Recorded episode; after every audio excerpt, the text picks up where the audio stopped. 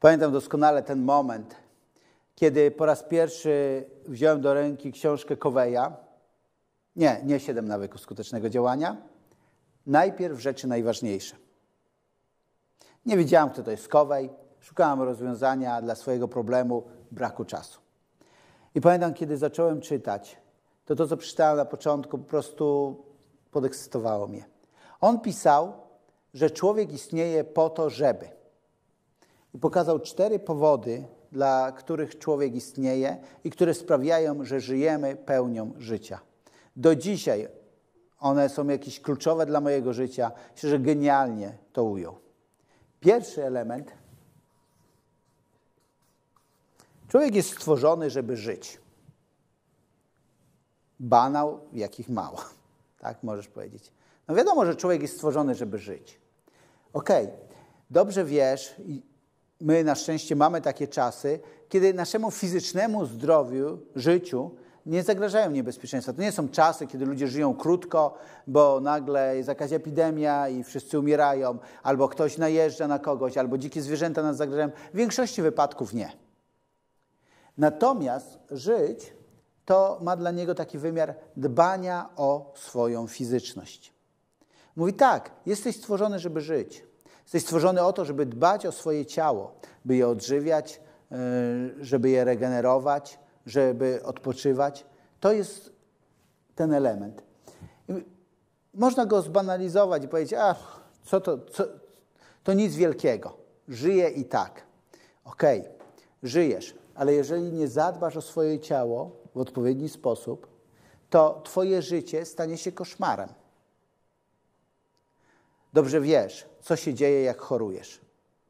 Dobrze wiesz, że kiedy są jakieś święta, to ludzie składają sobie życzenia i mówią: zdrowia przede wszystkim, bo zdrowie najważniejsze.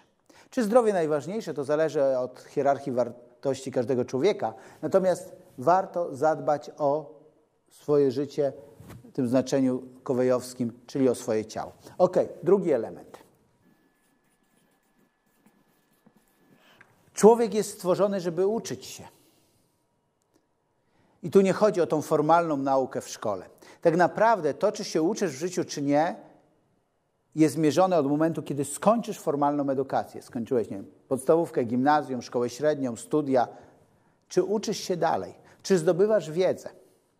Dzisiaj nie ma wytłumaczenia dla ludzi, którzy mówią, a ja nie wiedziałam, na ten temat nie mogłem zdobyć informacji. No nie.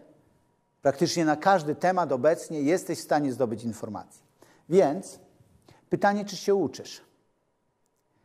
Moment, który wpłynął mocno na moje życie, kiedy u człowieka, którego bardzo cenię i dużo się od niego uczę, byłem u niego w biurze, zobaczyłem półkę, a tam ileś książek w jednym temacie. Ja mówię, o, a co, przygotowujesz ten temat? On mówi, nie. Mówi, to są książki, które przeczytam przez ten rok, bo ten rok jest rokiem, w którym zgłębiam ten temat. Wtedy z takim błyskiem w oku powiedział. I już się cieszę, jakiego rodzaju człowiekiem będę, kiedy je wszystkie przeczytam. Ja po latach doszedłem do tego, że podzieliłem swoje życie na sześć głównych kategorii i w każdej z tych kategorii czytam minimum dwie książki w miesiącu. Czyli, co jasno powiedzieć, tak? Czyli jest miesiąc, kiedy czytam na ten temat i to są minimum dwie książki. Jest drugi miesiąc, kiedy czytam na inny temat. I w ten sposób każdy z tych tematów dwa razy przerobię w rok. To jest mój sposób, tak? Możesz mieć jakiś inny, ale to jest ważne. Czy ty masz jakiś sposób, jakiś system, w który się uczysz? I wiesz, to, to, to nas bardzo rozciąga. Są tematy, na które ja bym bardzo chętnie czytał. I są tematy, których bym unikał. Ale nie możesz pewnych tematów uniknąć w życiu, ponieważ one są. Możesz powiedzieć, a mnie tam wychowywanie dzieci nie interesuje, ale jeżeli masz dzieci, to cokolwiek musisz wiedzieć na ten temat. Więc to jest drugi powód. Trzeci, człowiek jest stworzony do tego, żeby kochać. Czyli żeby być w relacjach, żeby stworzyć rodzinę, żeby mieć przyjaciół, żeby mieć znajomych, żeby spędzać czas z innymi. 85% zadowolenia w życiu to udane relacje a 15 to sukcesy zawodowe, mówi Brian Tracy. I to jest bardzo ważne. Wchodzenie w relacje jest ważne. Mówi się, że są ludzie, którzy mają relacje szerokie jak ocean, a płytkie jak kałuża. I są ludzie, którzy mają relacje szerokie jak kałuża, ale za to głębokie jak ocean. I oczywiście jedni będą preferować dużą ilość kontaktów powierzchownych, typu kiedyś jeden człowiek zaprosił mnie na konferencję biznesową. Byłem jednym z mówców na tej konferencji i przed konferencją on podchodzi do mnie i mówi, e, wiesz co, przypomnij mi twoje imię, Adam? Ja mówię, nie, Andrzej. A on, aha, wychodzi i mnie zapowiada, mówi, Andrzej Burzyński, mój przyjaciel. Chyba mam trochę inną definicję przyjaciela, że przyjaciel to jest ktoś, kogo znasz przynajmniej imię. E, I dla tego człowieka, ja, ja, rozumiem, tak, jakby dla niego przyjaciel to jest trochę szersze pojęcie niż dla mnie. Natomiast czy masz takie bardzo szerokie kontakty, czy masz takie mniejsze kontakty, jeden i drugi typ osoby potrzebuje kilku bliskich relacji. Ktoś powiedział, od kilku ludzi to słyszałem, więc nie wiem, kto jest twórcą tego, że człowiek jest stworzony do tego, żeby żyć w małej grupie. Tak, oczywiście żyjemy w społeczeństwie, ale potrzebujemy blisko, grupę bliskich przyjaciół. Brené Brown powiedziała, że miłość to gotowość do pokazania się. Pokazać się, co jesteśmy, możemy tylko z ludźmi, z którymi przeżyliśmy dużo i wiemy, że oni uszanują to, kiedy pokażemy się w pełni.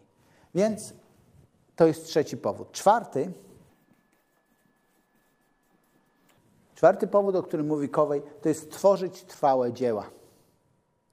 Czyli stworzyć coś, co jest większe od ciebie.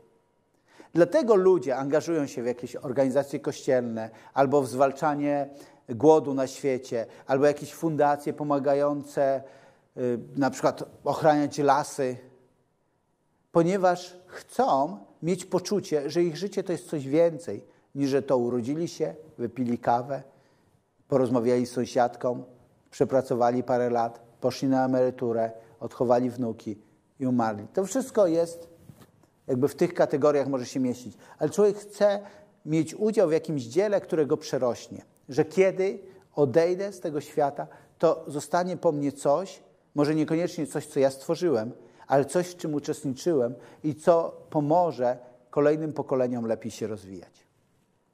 Żyć, uczyć się, kochać, tworzyć.